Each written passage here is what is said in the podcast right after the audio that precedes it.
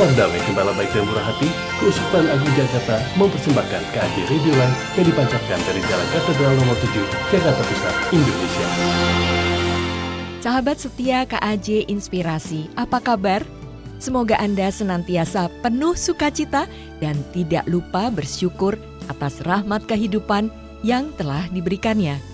Senang sekali saya, Bernadette Esther, bisa hadir kembali di dalam ruang dengar Anda dalam acara KAJ Inspirasi edisi hari ini.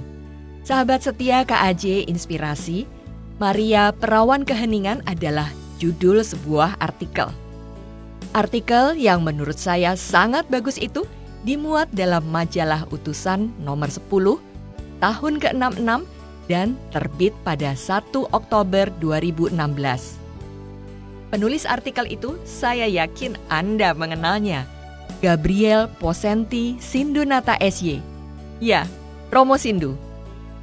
Romo Sindu menulis dan mempublikasikan Maria Perawan Keheningan itu pada bulan Oktober untuk menyambut bulan Maria atau bulan Rosario. Namun, saya yakin Maria Perawan Keheningan juga cocok bila saya bacakan pada bulan Mei ini yang juga merupakan bulan Maria. Mari kita simak artikel yang menarik itu. Di antara dua tangga berjalan menuju istana kepausan, tergantung sebuah ikon Maria yang khas dan indah. Ikon ini adalah hasil karya seorang biarawati dari Piemont, sebuah wilayah di Italia Utara. Ikon itu dihaturkan sebagai hadiah untuk Paus Fransiskus oleh Mariela Enoch. Mariela Enoch adalah pemimpin klinik anak-anak Bambino Gesù yang dikelola oleh Vatikan. Ikon itu tak terbilang modern. Motifnya mirip-mirip dengan gambar di jendela-jendela Katedral Faras di Sudan. Nama ikon unik itu Vergine del Silencio, perawan keheningan. Tergambar di sana, Maria meletakkan ujung telunjuk kanannya di bibirnya. Maria seakan ingin mengingatkan, diamlah. Nada simbolik ikon asal Italia itu mirip dengan ikon Santa Anna, ibu dari Maria yang sekarang tersimpan di Museum Nasional Warsaw, Polandia. Ikon Santa Ana juga mengisyaratkan, diamlah. Mungkin ini isyarat misteri penjelmaan Tuhan menjadi manusia. Dalam iman Kristen, penjelmaan Tuhan adalah misteri yang tak mungkin ditangkap dan diutarakan dalam kata-kata. Santa Ana kiranya meraba misteri itu bakal terjadi dalam diri putrinya, Maria.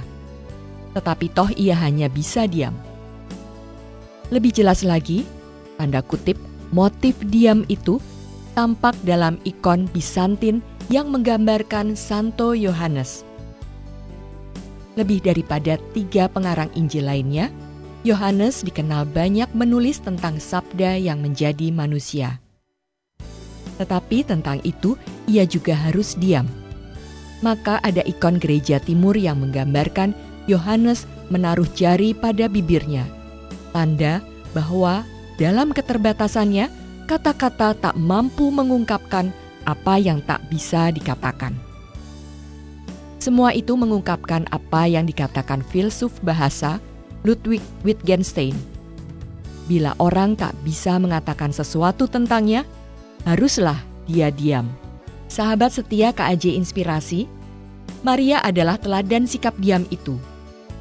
Dalam Injil terungkap betapa Maria tak mengerti misteri yang dialaminya, mengapa Tuhan memilihnya. Namun, ia diam dan menerima segala hal yang harus terjadi padanya karena rencana Allah. Ia tidak mengerti perbuatan putranya, tetapi ia tidak memakai ketidakmengertiannya sebagai bahan untuk dipersoalkan dan dibicarakan. Ia menerimanya dengan diam sampai di kaki salib puteranya. Mungkin hati dan pikirannya memberontak, tetapi sikap diamnya mengalahkan dan meneduhkan perlawanannya. Dan ia menjadi tenang dan diam dalam ketidakmengertiannya. Menurut Santa Edith Stein, Maria adalah teladan utama bagaimana kita harus diam di hadapan Allah. Dengan diamnya, Maria menjadi seluruhnya terbuka bagi Tuhan dan sesama. Dengan diam-diam pula Tuhan bekerja di dalam dirinya. Maria selalu menimbang-nimbang sabda Allah dengan hening dan diam. Itulah sebenarnya inti terdalam dari kehidupan doa kita. Tuhan tak dapat kita dekati dengan tanda kutip teknik doa. Betapapun teknik doa itu kelihatannya suci, tak mungkinlah Tuhan dapat direbut dengan teknik doa itu. Hanya Tuhan sendiri yang menentukan kapan dan bagaimana ia masuk dan mendatangi kita. Untuk itu, kita harus seperti Maria, tinggal diam, terbuka, dan mempersilahkan Tuhan masuk dan bekerja dalam diri kita. Dengan diamnya, Maria juga memperlihatkan kehakikatan seorang wanita. Lebih daripada pria, wanita itu terpanggil untuk memelihara, merawat, melindungi, dan membesarkan ciptaan. Tugas ini tidak bisa dijalankan secara abstrak. Seperti Maria, setiap perempuan harus merawat dan melindungi siapa yang dipercayakan kepadanya secara konkret dan dalam hidup sehari-hari yang nyata. Hanya karena perbuatan Maria yang konkret itu, maka Tuhan dapat rawat, terpelihara, dan menjadi besar dalam penjelmaannya menjadi manusia. Maria tidak banyak berpikir.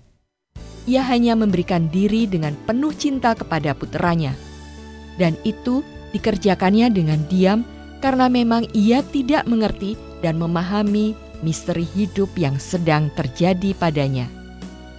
Paus Fransiskus juga berulang kali mengingatkan agar kita berani diam dan mau mengambil waktu untuk diam. Hanya dengan diam, kita bisa merasakan Tuhan yang transenden itu. Diam ini tak bisa kita paksakan dengan teknik, misalnya dengan mendengarkan lagu-lagu rohani. Diam itu harus muncul dari dalam diri kita. Dalam diam macam ini, kita dapat membuka diri untuk berjumpa dengan Tuhan dan dengan bantuan sabdanya, kita bisa melangkah maju ke arah yang dia tentukan. Menurut Paus, Yesus tidak berdiri di luar kita, lalu mengetuk pintu kita dalam tanda kutip dari luar, baru kita mempersilahkan dia masuk. Tidak, Yesus sudah ada dalam diri kita. Ia mengetuk pintu hati kita dari dalam. Kalau kita mendengarnya, kita akan sadar bahwa sudah dari semula Ia tinggal dalam diri kita dan bekerja untuk kita. Itulah yang seharusnya kita lakukan bila berdoa. Maka, kita harus berani menyisihkan waktu untuk sejenak meninggalkan kesibukan kita dan pergi untuk berdoa. Sahabat setia KAJ Inspirasi, Paus sendiri selalu mengajarkan cara yang ia pakai ketika berdoa. Memandang Tuhan, tetapi lebih-lebih membiarkan diri dipandang Tuhan. Karena itu Paus selalu menyempatkan diri untuk duduk atau berlutut di hadapan tabernakel ia tak tergoda untuk melihat jam tangannya karena ia ingin melewatkan waktu bersama Tuhan. Kadang saya tertidur ketika duduk di sana dan membiarkan diri saya dipandanginya apa adanya. Saya merasa seakan-akan saya berada di tangan seorang lian. Seakan-akan Tuhan mengulurkan tangannya kepada saya. Tutur Paus Fransiskus. Di tengah kesibukannya, Paus adalah pencinta keheningan. Dapat dimengerti mengapa ia sengaja meletakkan ikon Virgine del Silencio, Maria perawan keheningan itu, justru di wilayah istana kepausan. Maria menaruh ujung jari telunjuknya di bibirnya, mengingatkan agar kita mau diam. Janganlah kita terus bicara, sibuk dengan telepon genggam kita. Menurut tradisi Bapak Gereja, banyak bicara adalah kebiasaan buruk yang bisa menyeret kita ke dalam dosa. Sebab terlalu banyak bicara bisa memalingkan kita dari apa yang pokok dan menyeret kita untuk selalu tidak puas. Paus juga pernah mengingatkan, bahkan dengan nada menegur, agar para pembesar gereja termasuk para kardinal, tidak terjatuh ke dalam teror kata-kata dan pergunjingan. Itu adalah penyakit yang awalnya kelihatan ringan, tetapi lama-lama bisa merusak. Dengan berkuncingan dan rerasanan, kita sebenarnya telah perlahan-lahan membunuh seorang kawan dan teman sejawat.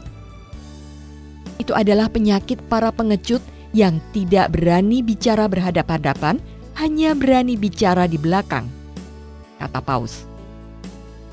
Maka, kadang kita harus berani diam seperti Maria, Virgine del Silencio. Ada baiknya rahmat diam itu kita mohon pada bulan ini bulan saat kita ingin berdoa kepada Maria, perawan keheningan itu. Sahabat setia KAJ Inspirasi, sebelum pamit undur diri, saya akan mengutip satu kalimat dalam tulisan Romo Sindu tadi.